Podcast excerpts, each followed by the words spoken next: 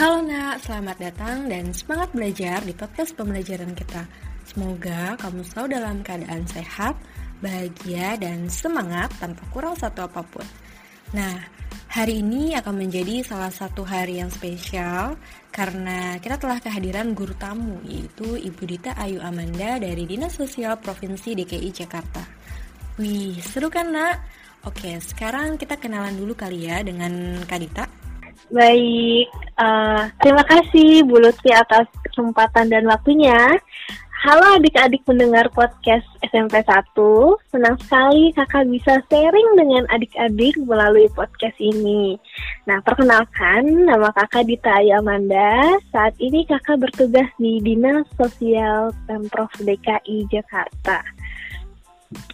Oke, nah hari ini kita akan membahas topik yang berkaitan dengan bab 2 dan bab 3 nih Kak.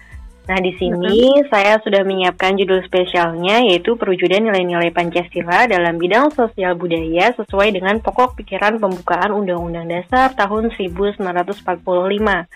Karena Kadita background pendidikannya dari ilmu kesejahteraan dan bertugas di Dinas Sosial Provinsi DKI Jakarta, maka pokok pikiran yang ditekankan ini adalah pokok pikiran kedua yaitu pokok pikiran keadilan sosial. Gimana?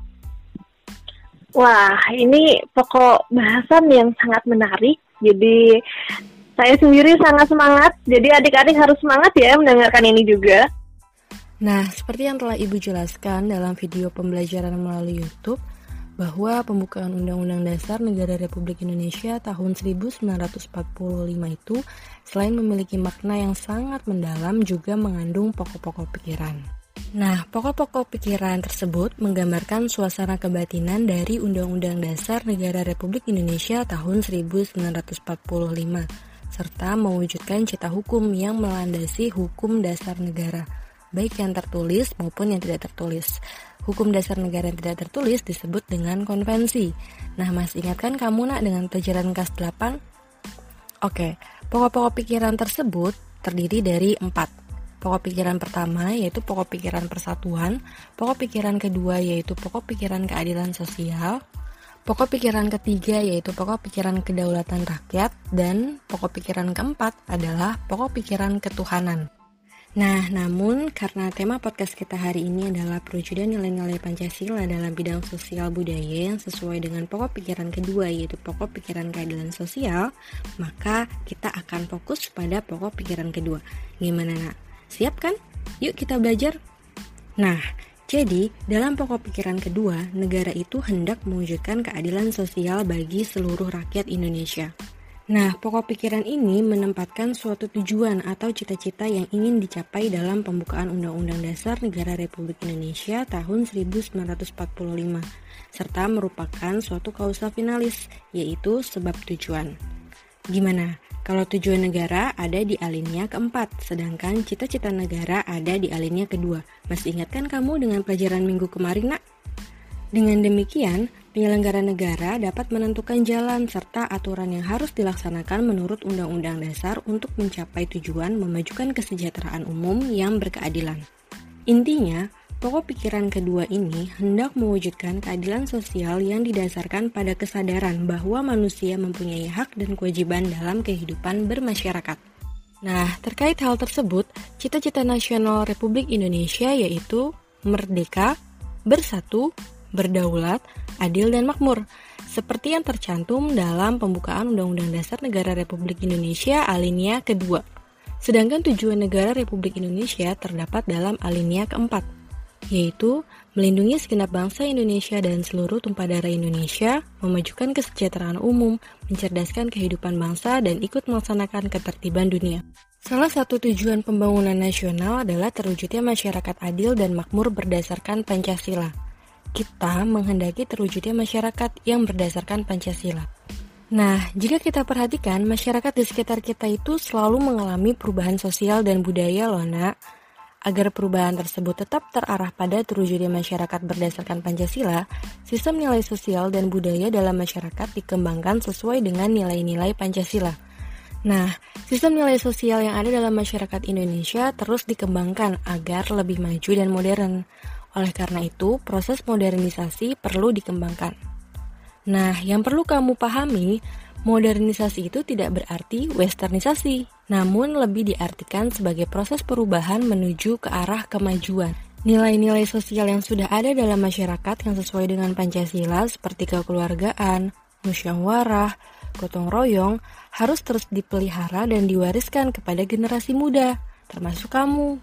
Demikian juga dengan nilai-nilai sosial dari luar, seperti semangat bekerja keras, disiplin, sikap ilmiah dapat diterima sesuai nilai-nilai Pancasila. Oke, nah setelah tadi Ibu menyampaikan materi pengantar untuk tema podcast kita hari ini, sekarang marilah kita berdiskusi secara langsung dengan Kadita dari Dinas Sosial Provinsi DKI Jakarta. Oke, untuk pertanyaan pertama, perwujudan nilai-nilai Pancasila dalam bidang sosial dan budaya yang dapat kita terapkan secara langsung di kehidupan bermasyarakat, berbangsa, dan bernegara itu seperti apa sih?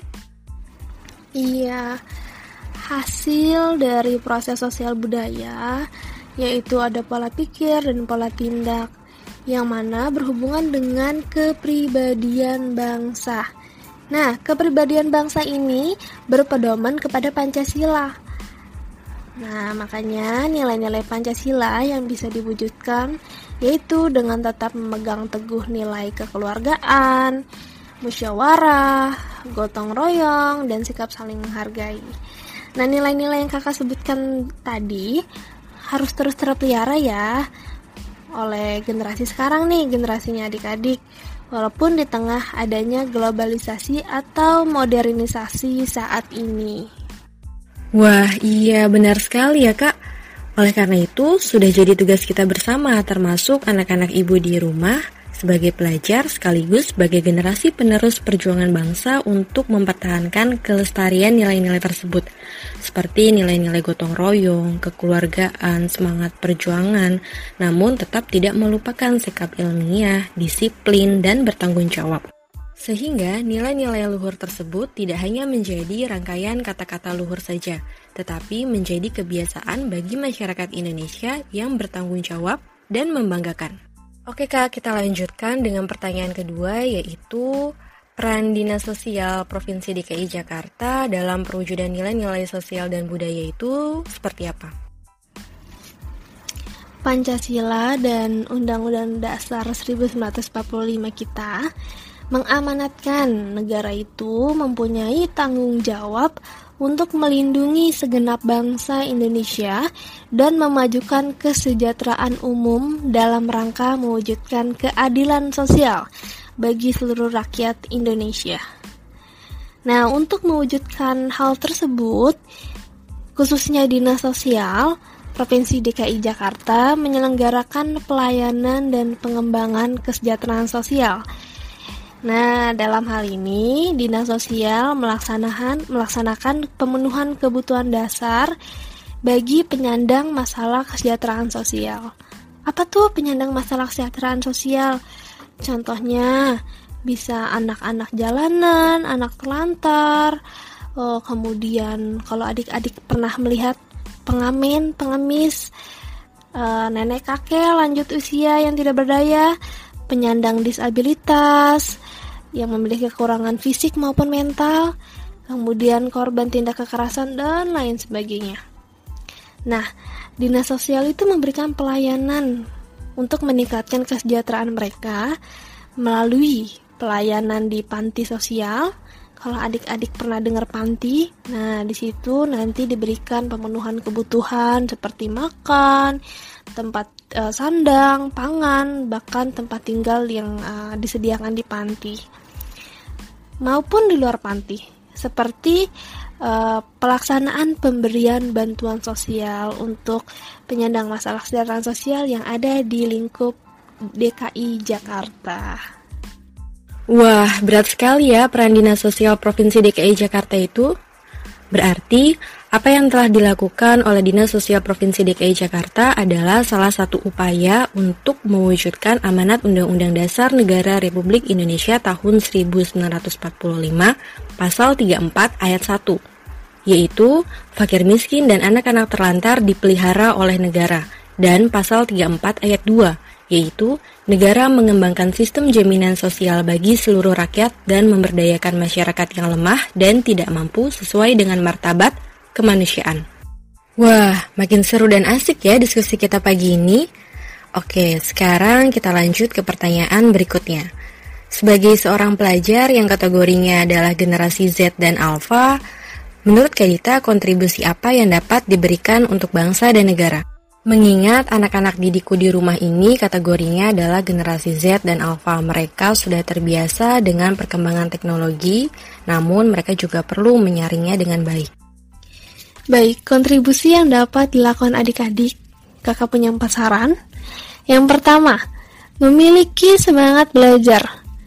Belajarlah dengan baik dan berprestasi dalam bidang yang adik-adik sukai.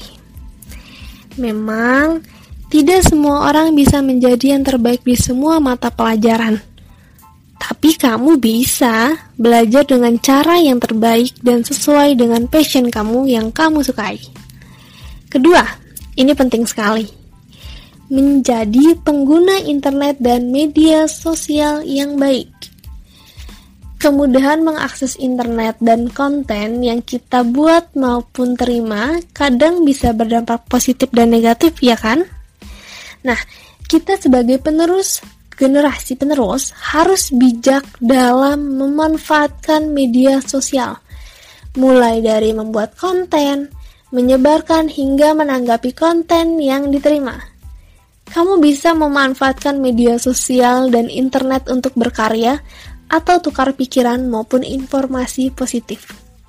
Jangan sampai media sosial menjadi saran untuk menjatuhkan satu sama lain atau menyebarkan informasi hoax ya. Intinya jika kita menggunakan secara positif, kita juga akan merasakan manfaat positifnya. Ketiga, mendukung produk lokal Indonesia. Banggalah ketika adik-adik membeli dan menggunakan produk lokal. Kenapa? Karena itu bentuk dukungan untuk saudara-saudara kita di bidang usaha kecil menengah. Dan yang keempat, jadikan Pancasila way of life atau cara hidup. Pancasila harus dijadikan cara hidup seluruh anak bangsa dalam kehidupan bermasyarakat, berbangsa, dan bernegara.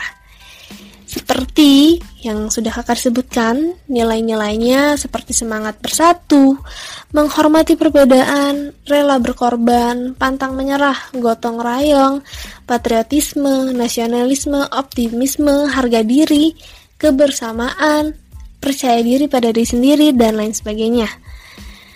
Nah, tugas kita sebagai generasi saat ini untuk tetap menjaga dan melestarikan Pancasila agar fungsi dan nilainya tidak punah. Kita hanya perlu berkembang dan belajar dalam bidang yang kita minati dengan jalan yang benar dan harus selalu memupuk diri terhadap sikap kritis, nasionalis, dan spiritual guna membangun dan memajukan bangsa Indonesia. Wah, iya nak, Ibu sangat setuju dengan apa yang telah disampaikan oleh Kadita. Jadi, Pancasila itu memang harus dijadikan sebagai way of life atau pandangan hidup.